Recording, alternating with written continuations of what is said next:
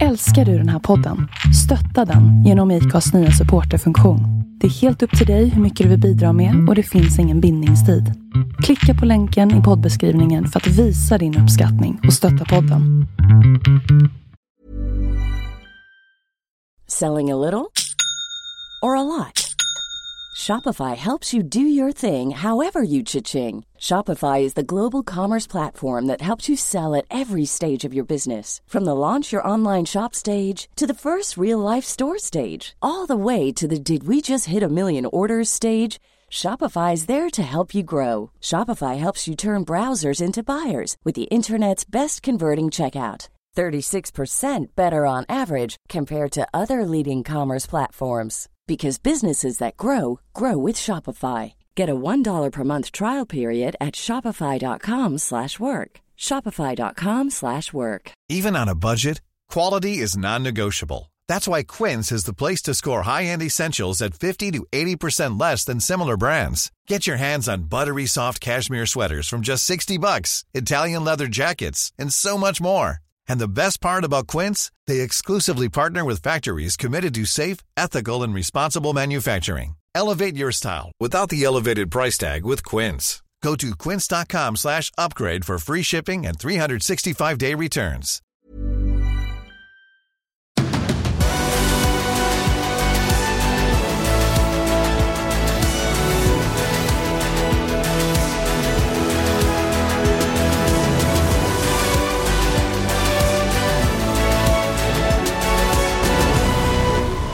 Det är dags för den hundrade MotoGP-podden med mig, Tobias Lajon, och med Andreas Mårtensson. Andreas, välkommen får väl jag säga nu eftersom det är jag som inleder snacket idag. Ja, men tack så mycket. Hundrade avsnittet alltså. Ja, visst har det gått fort? Ja, jättefort. Tror du rätt när vi drog igång det här i mitt kök för fyra år sedan? Nej, vet du jag tänkte då? Jag tänkte det här, det här blir ett perfekt sätt att lära känna varandra och snacka ihop oss inför våra sändningshelger. Och det var väl mycket så vi använde det i inledningen tycker jag. Vad säger du? Jo, men det, det var det. Eh, men hundra avsnitt, det är bra jobbat. Ja, det är det faktiskt. Och snittat på en timme ungefär per avsnitt, så det är några timmar vi har snackat, eh, bara poddat om det här ämnet och, och faktiskt spretat ut om oss själva och allt vad det har varit här på sluttampen. Tror du det har blivit något bättre då? Från avsnitt ett? Jo, men jag tycker att det är... Eh, det kommer ju upp nya saker hela tiden. Dels från eh, våra lyssnare, frågor, egna funderingar och eh, med tanke på att vi också har rest och varit på plats på många fler race så har vi också kommit i kontakt på och förkovrat oss själva under tiden här. Ja, absolut. Jag tycker det också. Det blir spännande. Hundra nya avsnitt nu då. Minst. Ja, vi får sikta det. Vi får sikta mot det åtminstone. Ja. Men du, visst flaggade vi för att det så här skulle vara lite special? Är det något special? Har du tänkt ut någonting speciellt här inför dagen? Alltså jag har ju det, men vi är inte riktigt framme än. Eh, så vi får, vi får skjuta på det lite grann på framtiden. Eh, men i vilket fall som helst, från och med nästa avsnitt så kommer en ny programpunkt och då tänker jag mig att då är det avsnitt 101. Då tänkte jag vi skulle gå igenom alla som eh, vi känner till med startnummer ett eller som betyder någonting extra eller vad, vilket, vad som är startnummer ett för oss. Vad man tänker kan, på helt enkelt. Ja, du kan få börja nu om du vill med startnummer noll. Är det någon som har haft startnummer noll i historien?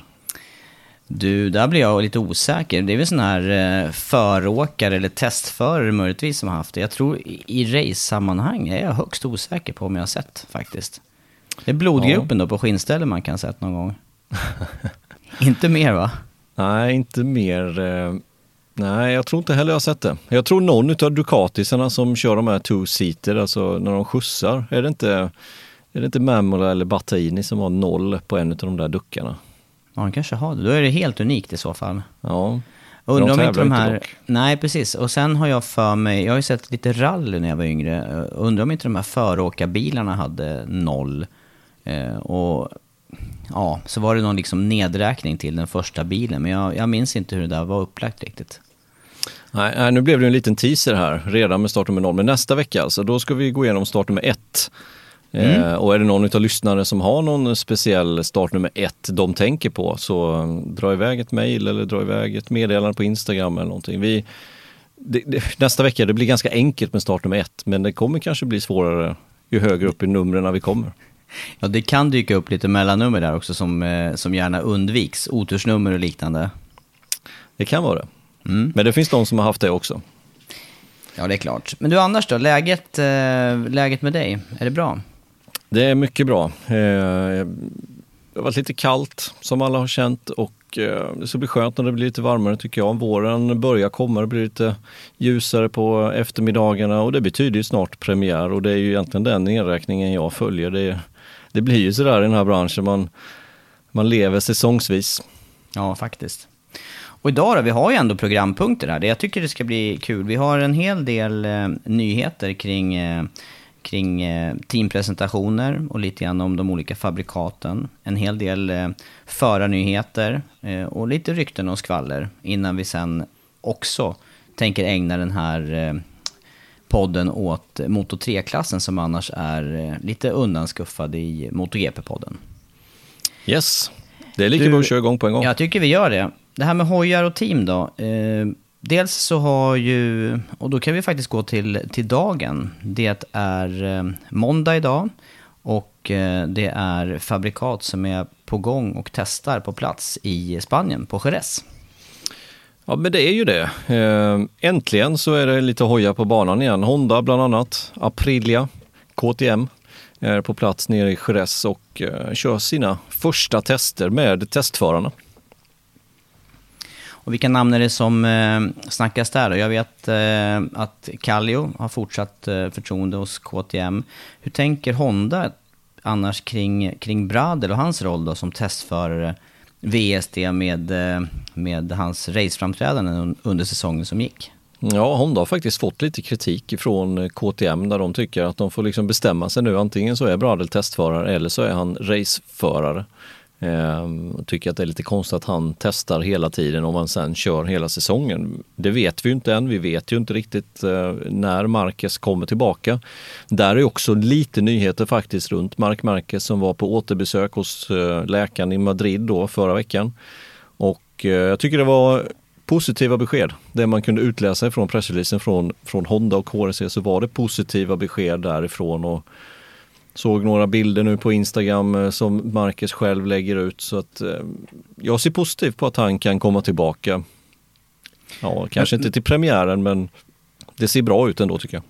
Men fortfarande är det såklart svårt att säga något datum eller vecka ens kring, eh, kring hans eventuella comeback då. Ja, och jag tror inte han vet det själv. Han, han kanske har en målbild men jag tror inte han vet riktigt själv när han kommer att vara redo för att göra en comeback. Men jag tycker ändå det man kan tyda av olika Instagram-inlägg, eh, pressreleasen förra veckan så att det ändå går enligt plan. Och planen var ju att det är läkt på tre månader, sen så tar det ungefär tre månader innan man är fit for fight efter att ha tränat upp sig. Och som sagt, nu har det ju gått då två och en halv månad. Så att, eh, ja, ja, vad ska man säga, men positivt tycker jag det går. Mm. Men funderingen där då med, eh, från KTMs sida med, med Bradel som antingen testförare eller raceförare, vad handlar det där om egentligen då? För vi vet ju samtidigt att, eh, att eh, man de senaste åren har dragit ner ganska mycket på testverksamheten för ordinarie förare. Ja, men det handlar ju om att man inte får testa hur mycket som helst som ordinarie förare. Eh, och det kringgår de ju på något sätt nu då när han är testförare. Skulle det visa sig att han kör hela säsongen så har han ju som ordinarie förare då plus testförare kört mer än vad man egentligen får göra. Så det är ju det det handlar om. Men eh, jag tror att det där kommer lösa sig själv för jag tror att han kommer inte köra speciellt många race den här säsongen utan han kommer eh, Kanske börja säsongen i Qatar, Portimao möjligtvis. Sen eh, får vi väl se då om Marcus är tillbaka. Men tanken på att ersätta eh, Marcus då eventuellt med Dovizioso, den är helt släppt känns det som.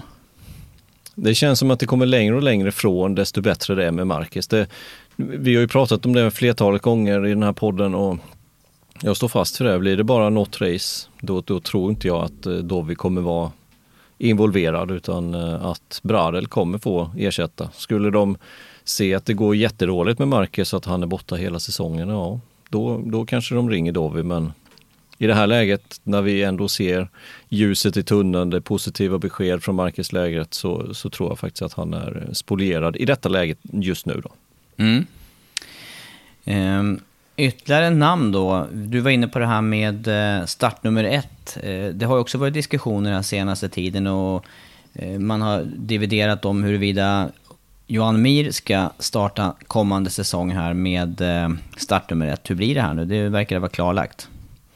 Ja, de gjorde ju en stor pressrelease av det där att om 12 dagar eller vad det var för någonting, då kommer vi ha en ett announcement, tillkännagivande. Hur ska Miri göra? Ska han välja 36 eller ska han välja nummer 1?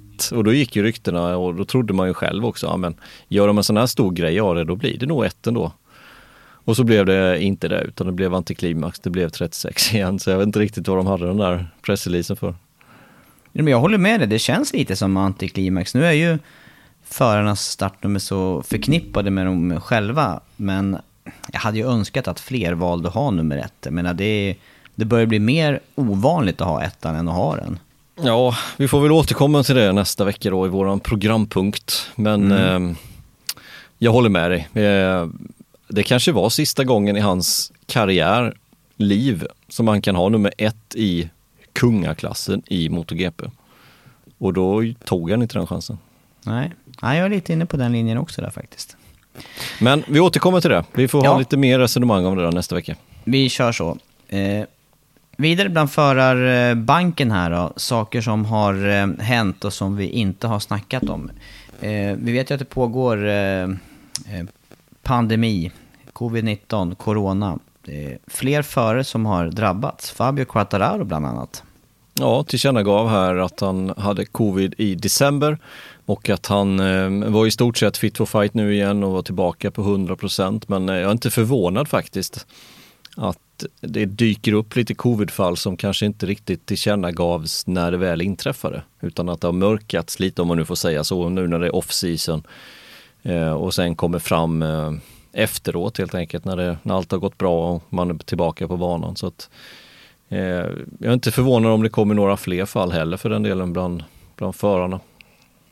Nej, för det är ju en hel, eh, det är en, en hel mängd förare om man räknar in alla klasserna och alla är ute och rör på sig och reser runt. Så att, eh, nej, otroligt är det ju inte.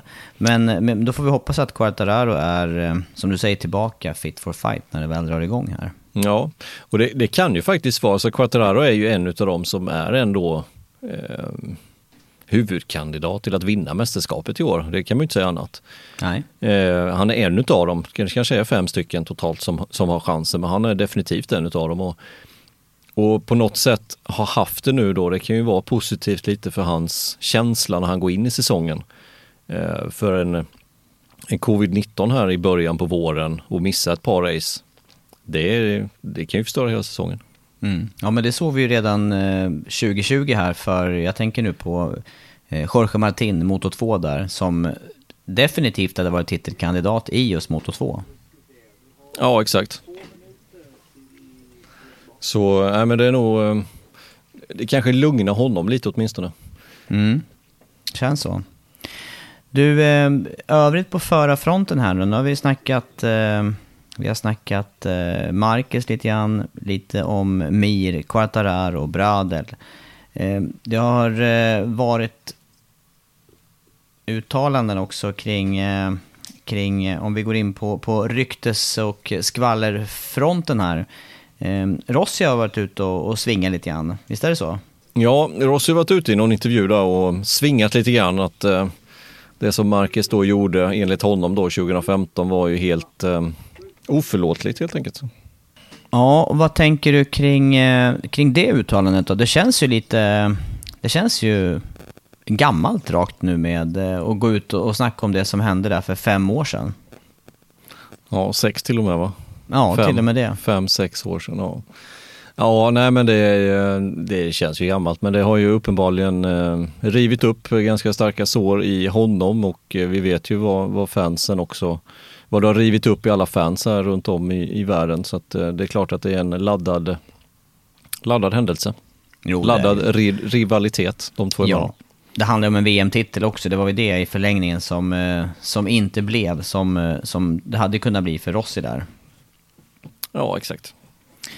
Men du, då nämner ju du också Mark Marquez här i samband med Rossi och eh, båda förarna har ju varit de som har som har dragit den här cirkusen till stor del, måste man ju säga. I alla fall har det de som har liksom stuckit ut ordentligt under lång tid här och med många VM-titlar.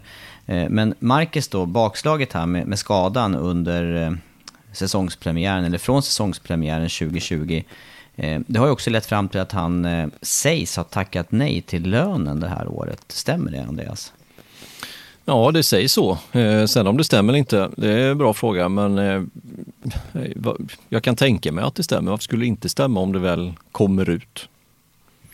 Men eh, i, vad, vad, vad, finns det för anledning till att han gör det här då? Det, det, det är ingen, eh, det existerar ingen sjukpenning i den här branschen. Nej, man kanske har så han klarar sig ändå. Så är det säkert. Men eh, vad, hur har Honda reagerat på det här då?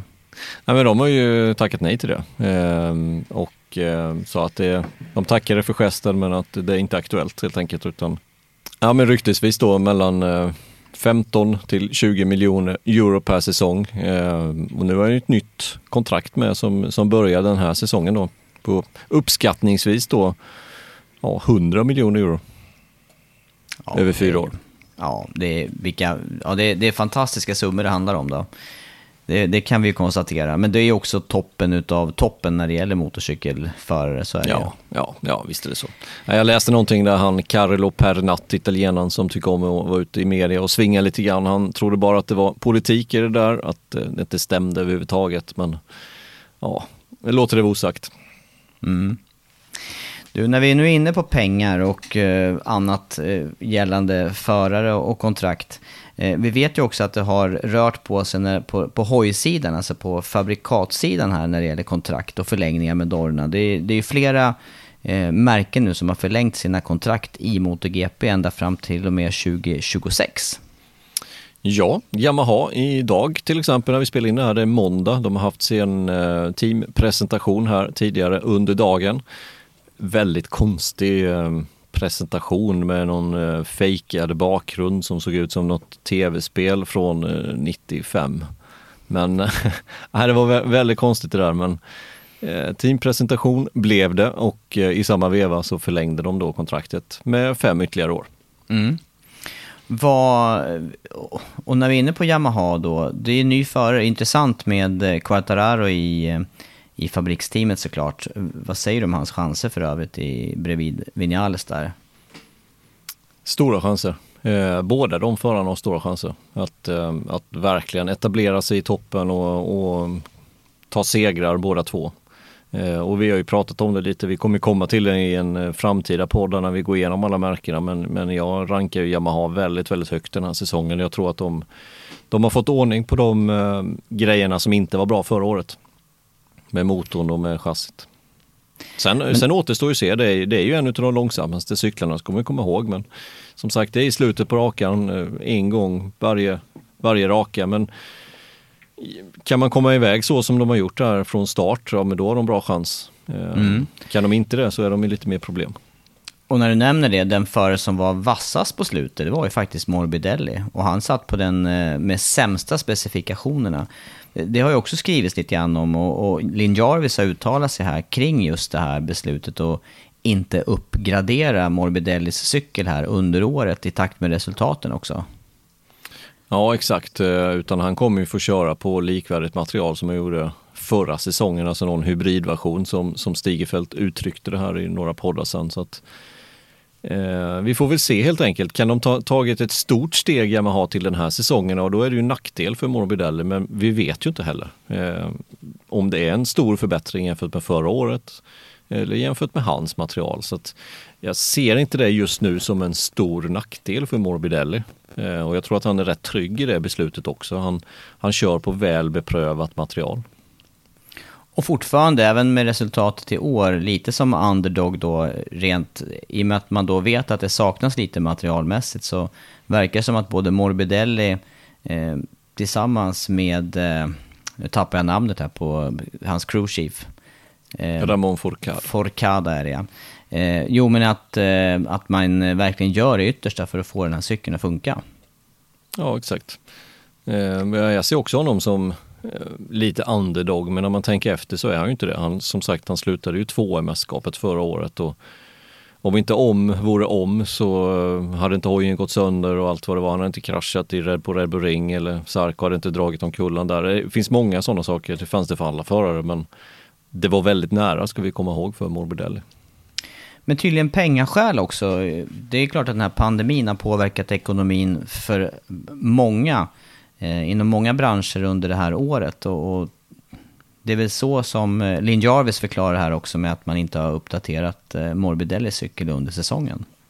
Ja, jag tycker att det ändå är det är lite anmärkningsvärt ändå faktiskt. Slutar tvåa i mästerskapet och är den Yamaha-föraren som, som slutar högst upp. Eh, men med sämst spes även denna säsongen. Eh, och då ska vi komma ihåg att till förra säsongen, alltså förrförra säsongen, alltså 2019, då var det ju han som satt på det vassaste materialet i satellitteamet, det vill säga att då trodde Yamaha väldigt mycket på honom. Sen gjorde han en lite sämre säsong då 2019. Men eh, den här säsongen har ju varit, eller som gick här nu, den var ju bättre än vad någon kunnat förutspå egentligen. Mm. Ehm, och han slog ju Quattararo med rätt många poäng till slut. Han gjorde det. Ja, intressant det där styrkeförhållandet dem emellan. Men nu slipper de åtminstone varann i teamet. Och då finns det ju, har det ju visat sig då, utrymme för en fullfabrikare till. För Rossi kommer att ha fullfabrikare fast han åker i Petronas-teamet.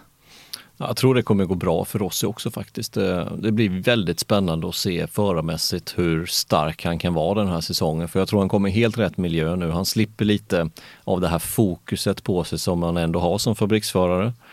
Eh, han kommer tillsammans med en av hans bästa vänner i samma team. Och vi vet vad, vad Petronas-teamet går för, vilken mentalitet de har där inne och stämning. Jag tror att det kommer bli jätte, jättebra för oss. Och, ja, vi ska inte räkna bort honom. Det hade varit kul om man kunde ta en, en pallplats till och komma upp i 200 och några segrar till. Så ja, det är, det är väl sju segrar någonting till Agos tror jag, men det, det blir väl tufft kanske. Ja, Nej, men jag håller med dig där, just med att få bort lite press från axlarna och kanske blomma upp nu. kan ju faktiskt vara hans sista säsong också, det vet man ju inte fullt ut ännu. Nej, det, det känns inte som att det är det. det. Det är mycket som tyder på det med utgående kontrakt för Petronas-teamet hos Yamaha. Rossi på väg in med eget team nu, en cykel den här säsongen med hans brorsa dessutom. Ja, det är många sådana där parametrar som, och sen fyllde han ju år här bara för någon dag sedan. Mm, ja. ja visst, nej jag håller med dig där. Det är, det är mycket som talar för det. Så är det faktiskt. 42 Men, bast? Ja, det är helt otroligt egentligen. Och, och det här med hur, många, hur länge han har åkt i VM-sammanhang. Var det premiär 96 eller säger jag rätt där? Ja, I alla fall i, i 125-klassen då. Ja. Ja, det är, det är eh, det är mycket vatten som har runnit under broarna sedan dess, det kan man ju säga. ja.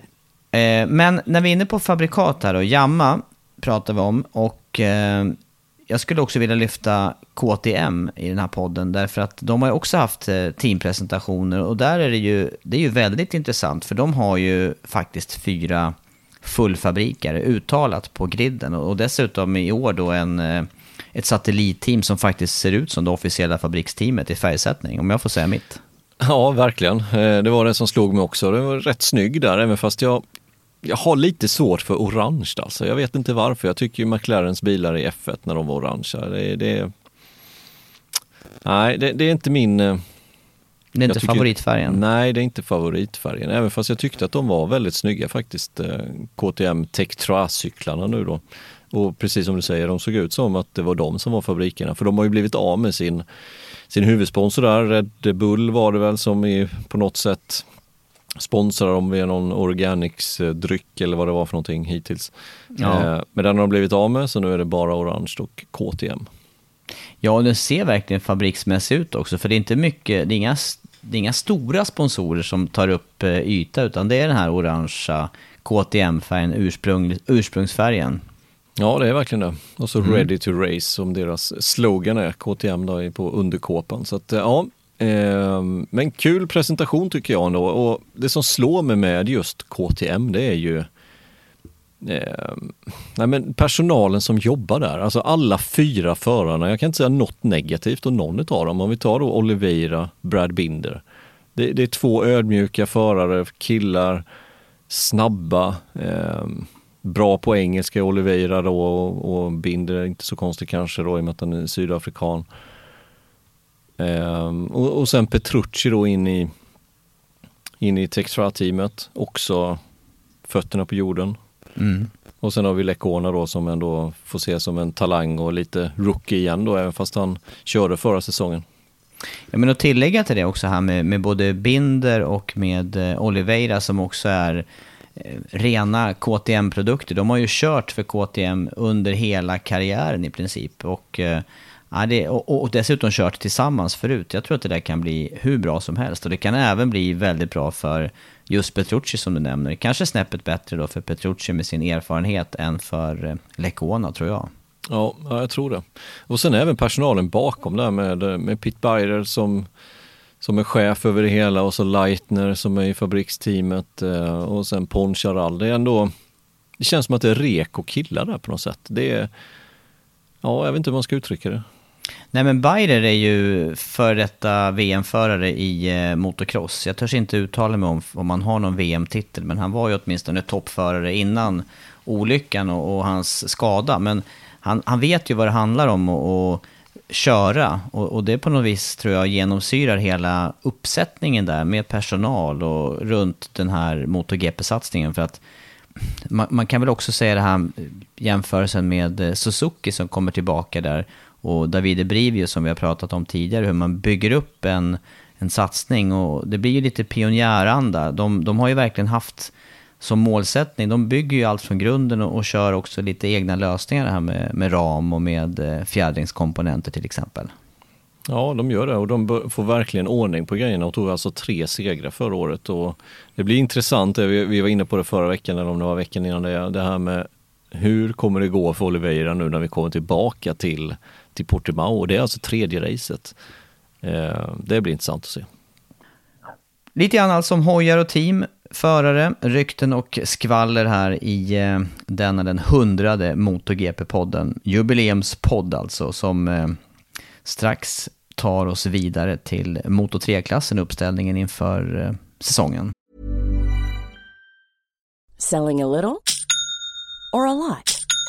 Shopify helps you do your thing however you cha-ching. Shopify is the global commerce platform that helps you sell at every stage of your business. From the launch your online shop stage to the first real life store stage, all the way to the did we just hit a million orders stage.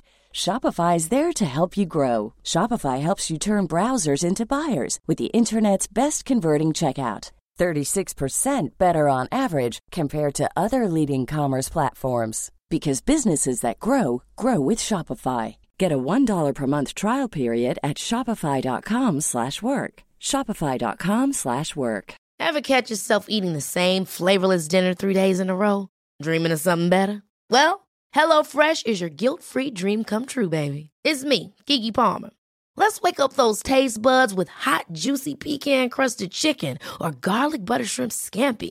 Mm. Hello Fresh. Stop dreaming of all the delicious possibilities and dig in at HelloFresh.com. Let's get this dinner party started. Hey there, it's Michelle Norris. I'm host of a podcast called Your Mama's Kitchen. When I travel, I'm usually looking for a way to find a taste of home when I'm not at home. And one of the things I love to do when I am at home is entertain. And Airbnb allows me to do that. When I was in California recently, I rented a house that had a great kitchen. And when we were sitting around the table, we we're all thinking, we're in someone else's house. Someone could be in all of our homes as well. If you have a home, but you're not always at home, you have an Airbnb. Your home might be worth more than you think. Find out how much at airbnb.com slash host. Ja, Andreas, då tycker jag vi eh, kikar in på Moto 3-klassen också. Förra säsongen, 2020, Albert Arenas världsmästare, Tony Arbolino, Ayogura, slutade på samma poäng, men i den ordningen jag nämnde där i mästerskapet. Och sen var det Fernandes och Vietti, då eh, har vi de fem första i eh, fjolårets mästerskap. Alla de har klättrat vidare i karriären till Moto 2. Ja, det är egentligen ovanligt många som tar steget upp. Eh, Raúl Fernandez var väl den senaste i raden som man var lite förvånad över att han tog klivet upp från sin fabriksstyrning hos KTM i IO-teamet men eh, rätt upp då till, till eh, Moto 2-klassen. Mm. Och precis som eh, i förra podden där när vi snackade Moto 2 just så um, blir upplägget här och tar dem team för team då. Och eh, Aspar-teamet, de fortsätter ju men de kommer byta fabrikat till GasGas. De har ju för övrigt eh, blivit uppköpta utav KTM med Sergio Garcia och Isan Guevara. Och där har vi ju två intressanta namn, två spanjorer. Ja, exakt. Eh, och Garcia som faktiskt har, han tog ju någon seger här för något år sedan. Eh, när han körde Honda, nu byter han då fabrikat. Det blir intressant att se om han kan få sitt genombrott lite grann ännu mer. För förra säsongen så gick lite knackigt inledningsvis men sen så gjorde han ju faktiskt bra resultat och blev ju nia i mästerskapet till slut. Tre sista racen, två, två, fyra.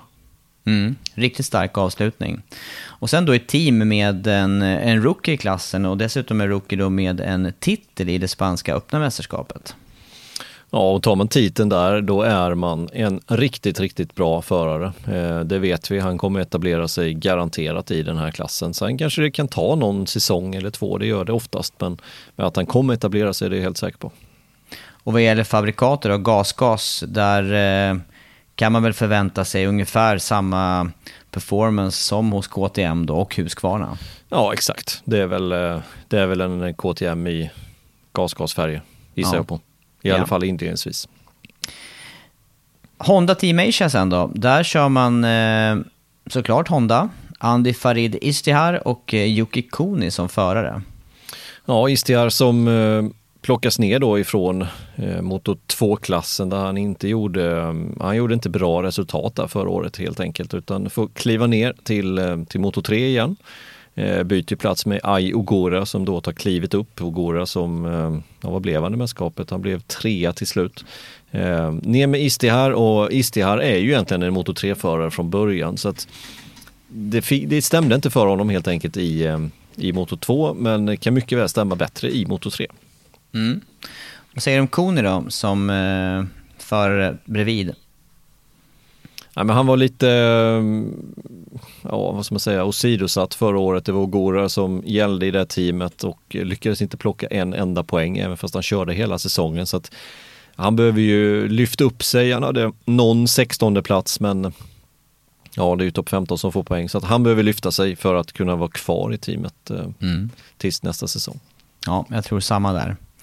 Sen är det ett team med eh, dels eh, VM-titlar och, och kanske lite eh, underpresterande utav Dennis Foggia och eh, Xavier Artigas i eh, Leopard Racing. Det är det vi snackar om.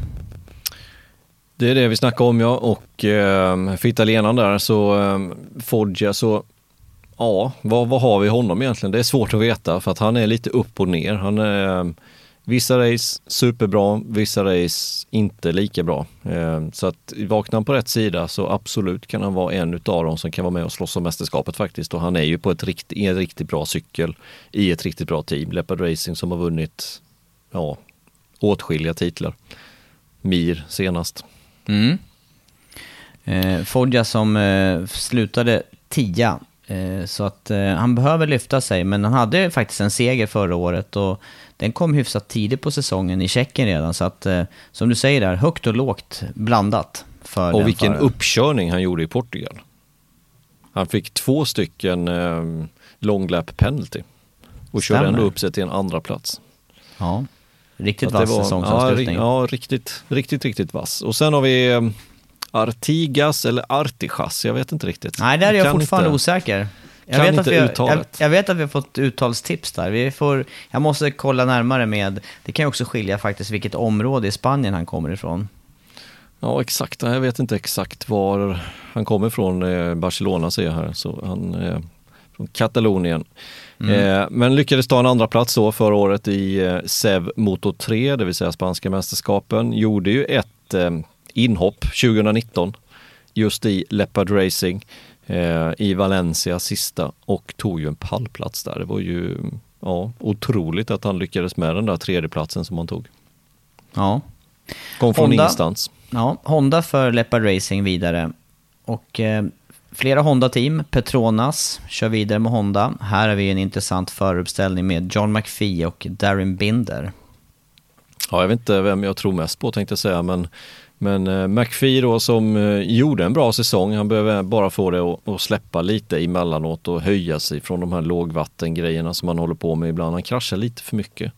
Farten har han, men eh, lite för mycket misstag. Slutade sjua i mästerskapet till slut då. Vi hörde ju Johan sa där att det tyngde nog honom lite det här kontraktsnacket. Han hade ingenting färdigt. Dixon överpresterade i motor 2, vilket gjorde att han får vara kvar där nu. Det vill säga att McPhee som hade kontrakt att ta klivet upp till motor 2 inte fick göra det på grund av att de är fullt i teamet. Fortsätter i motor 2 eller motor 3 och det blev nog, som Johan sa, där, lite för mycket i skallen för McPhee och eh, det var ingen bra andra halva säsongen 2020. Nej, och precis som du sa också, fem eh, nollor hade han McPhee och ändå sjua i mästerskapet. Jag tror att eh, kan, han, eh, kan han få bort dem där, då kan han vara med i toppen bara av den anledningen. Men, men vast motstånd om Binder får fason på sin körning och, och eh, höjer sin nivå snäppet. Och det har ju, ja, jag tycker på något vis att det, det sitter i huvudet på honom. Farten har ju Binder definitivt. Ja, definitivt. Och tog ju en seger förra säsongen, eh, även en andra plats och eh, satt kanske på den sämsta cykeln i sämsta teamet förra säsongen och fick överköra den cykeln. Eh, har ändå lugnat ner sig lite med de här, ja, så vi säga tuffa körningen milt sagt, som man har hållit på med. Jag tycker det var bättre 2020 och eh, det blir jätteintressant att följa om, om Johan och hans team kan liksom sänka axlarna lite med honom så att han känner sig tryggare, lugnare. Så tror jag det kan gå riktigt, riktigt bra för Binder. Mm. Ja, vidare bland Honda-teamen då. Riva Cold, Snipers team. Där hade vi förra året Arbolino som alltså slutat tvåa i mästerskapet. Han ersätts ju eh, 2021 här utav Andrea Minjo och så åker Filip Salac vidare. Ja, Minjo där som eh, inte fick eh, någon plats kvar då i och med att Sky Racing VR46 la ner styrningen då i, i Moto 3. Eh, tar klivet över till eh, Snipers-teamet istället och det är ju ett riktigt bra team, det är inget snack om den saken. Honda åker om dessutom, så han byter tillbaka nu då igen. Han har bytt lite fram och tillbaka senaste säsongerna. Han körde ju KTM visserligen hos Aspar, men tillbaka till KTM i, i VR46 och så är det Honda nu då som gäller. Eh, tillsammans med Salac, Salac som, eh, ja, han blixtrade till några gånger förra säsongen. Eh, kanske, kanske kan få sitt genombrott denna säsongen. Ja, han har ju som du säger, han har ju bra teamkollegor. Hade det även förra året då med, med Arbolino. Och, eh, mm, jag tror också att eh, eh, det skulle kunna gå vägen lite bättre för Salch den här säsongen. Ytterligare Honda-team. SIC 58, Squadra Corse med eh, Lorenzo Felon och eh, Tatsuki Suzuki. Där åker ju Suzuki vidare i teamet och eh, Felon en eh, nykomling i klassen. Ja, intressant att följa Felon och hans eh, framfart. Han har ju en berömd far. Ja, han är ju eh, tidigare... Eh, ja, vad hade han för roll där kring Sarko egentligen? De, de, Det var manager va? Ja, jag skulle säga att det var manager, men han verkar ju nästan ha haft eh, eh, ja, en, en, bredare roll än så. Men eh, det är i alla fall hans son här och han är ju skolad från eh, start, från unga år och åkte spanska mästerskapet förra året. Slutade tia där. Ja, så att eh, inte superbra resultat ändå om man jämför med Artigas till exempel eller eh, Guevara. Ja, vidare med eh, nästa italienska team, Team eh, Gresini Moto 3, även de på Honda. Och där får vi nästan inleda med eh, nuläge kring teamchef Fausto Gresini. Vad, vad vet vi där, Andreas? Ja, han har ju drabbats av covid-19 eh, riktigt, riktigt hårt. Har legat på sjukhusen i slutet av december alltså, så att en lång tid. Och ehm, rapporterna nu faktiskt idag sa så att det har försämrats läget, att han är i koma igen och det är ju inte första gången så att eh, det är riktigt, riktigt risigt. Mm. Jag läste någonstans lunginflammation och såklart nedsatt eh, lungfunktion överhuvudtaget. Och, ja, det är dåligt läge just för eh, Fausto Gresini där, men Tittar vi på förarsidan då så, så ser det ju ljusare ut. Gabriel Rodrigo och eh, Jeremy Alcoba i eh, saden på deras Honder. Ja, nu börjar det bli sista chansen för Rodrigo. Vi har sagt det ett par säsonger, men farten har han, men han kraschar för mycket, gör för mycket misstag och behöver sätta ihop den här. Han har ju ingen seger än i klassen. Det låter konstigt, för han är alltid med i toppen och slåss, men behöver få det att lossna. Ja, och, och jag har ju slagits av det många gånger, hur hans förmåga eller oförmåga att befinna sig på rätt ställe. Han, han har förmåga att vara på fel ställe under racen och sakta också halka bakåt. Ja, verkligen. Ja, vi hoppar över till Husqvarna tycker jag nu då med eh, Sterilgarda Max Racing Team där som eh, kör med Adrian Fernandes och Romano Fenati den här säsongen. Och Fernandes som är alltså bror med Raúl Fernandes från spanska mästerskapen. Raúl Fernandes alltså i KTMs Moto 2-team till den här säsongen. Körde ju något race här också. Mm, sista racet tror jag det var som man körde som ersättare för, eh, var det inte Salac i Snipers-teamet som man körde med i, i Portugal. Eh, gjorde väl ingen framträdande roll riktigt där och fram, ja, inga, inga superbra resultat helt enkelt. Och sen har vi Fenati. Ja, honom vet vi vad han kan i alla fall. Ja, han vet vi vad han kan. Han kan blixtra till. Han tog en seger förra året ehm, och eh, ja, han är inte ung och lovande heller längre men vi får väl se om han kan sätta ihop ehm, en hel säsong på ett bättre sätt än vad han gjorde förra säsongen. Vi ska säga med det om, om Fernandes, han, han kom in där på ett litet bananskal för det var ju egentligen Alonso Lopez var ju klar för teamet. Eh, och sen bara för några veckor sedan nu så, så bytte de helt enkelt Fernandes in, Lopez ut, eh, verkar vara ekonomiska orsaker bakom det bytet. Mm. Ja. Men sätter ju Lopez i en väldigt eh, taskig situation. Ja, det kom ju väldigt sent som sagt var den, eh, den eh, rokaden och förändringen. Men eh, det är inte helt ovanligt tyvärr det där med ekonomin för att det är ju, det vet ju du likväl som, som jag där, i de, särskilt i de mindre klasserna så handlar det ju också om att ha med sig en pengar på sig in i teamen ofta.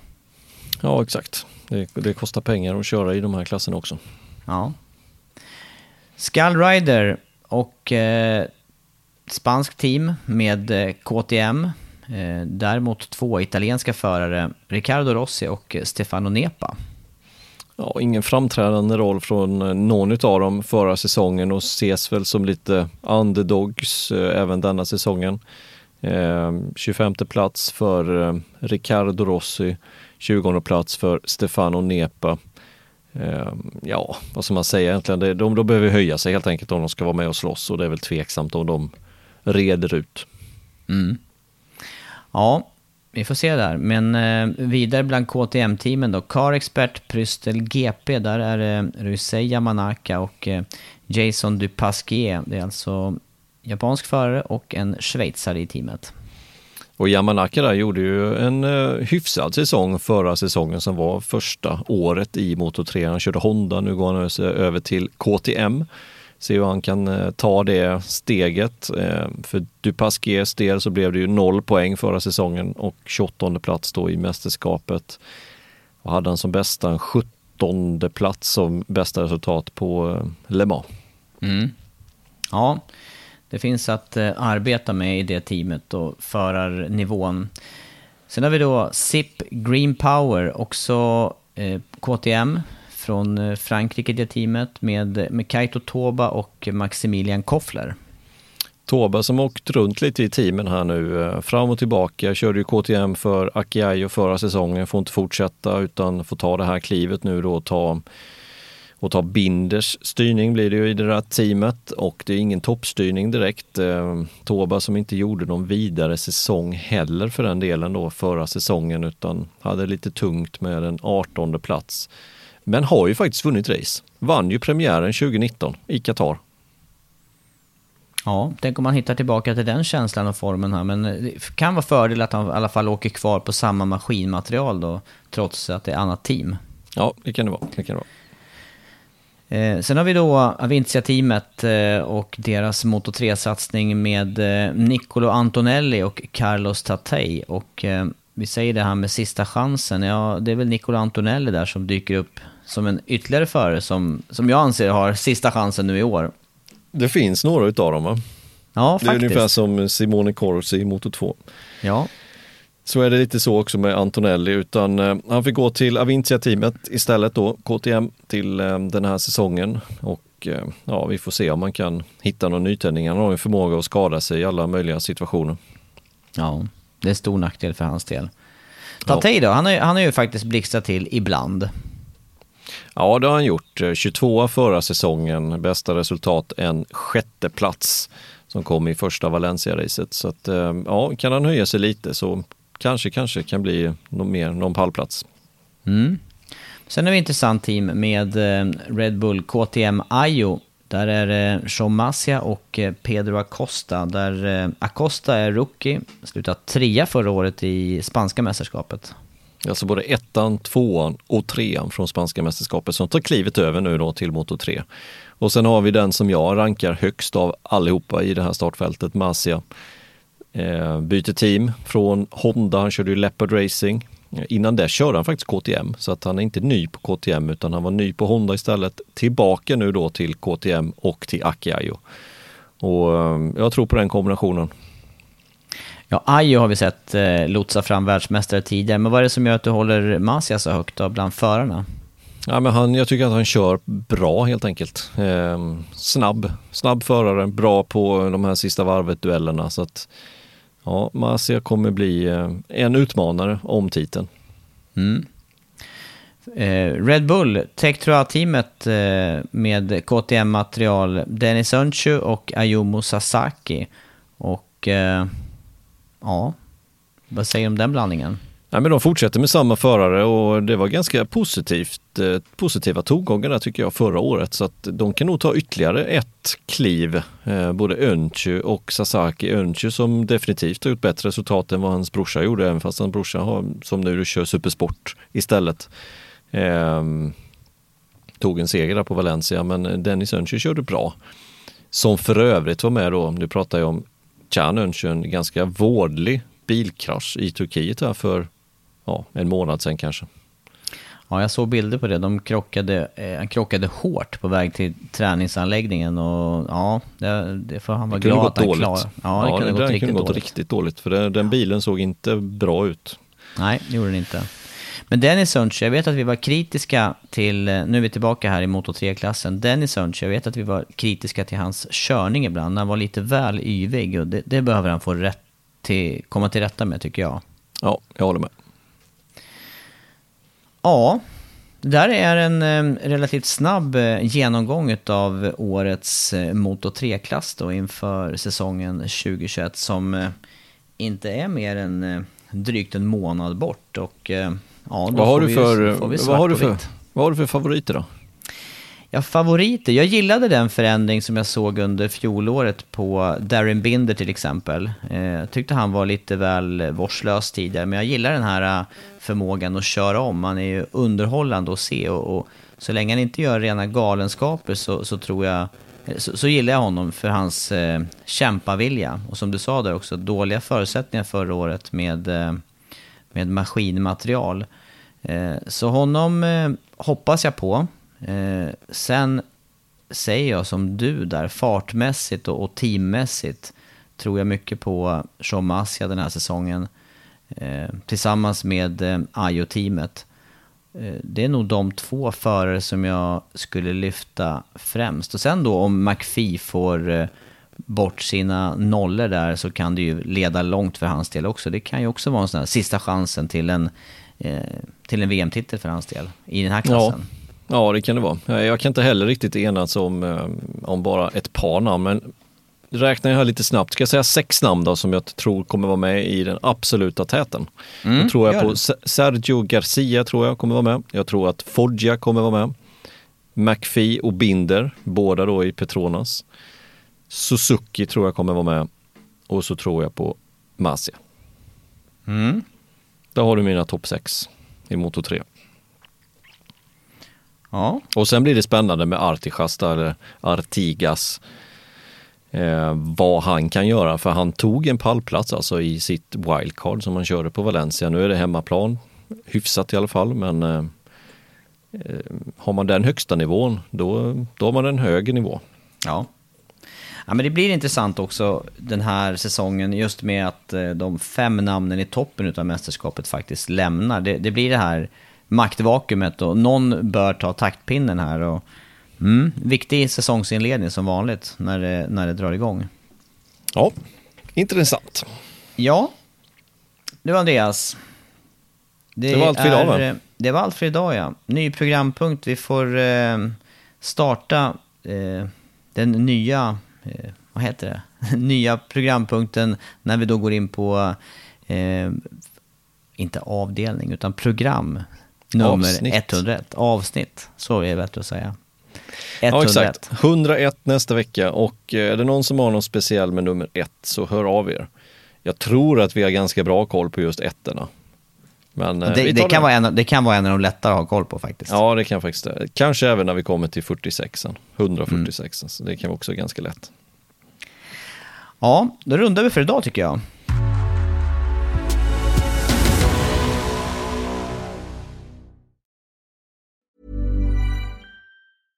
Imagine the softest sheets you've ever felt. Now imagine them getting even softer over time. That's what you'll feel with Bowl and Branch's organic cotton sheets. In a recent customer survey, 96% replied that Bowl and Branch sheets get softer with every wash. Start getting your best night's sleep in these sheets that get softer and softer for years to come. Try their sheets with a 30-night guarantee. Plus, get 15% off your first order at bowlandbranch.com. Code BUTTERY. Exclusions apply. See site for details.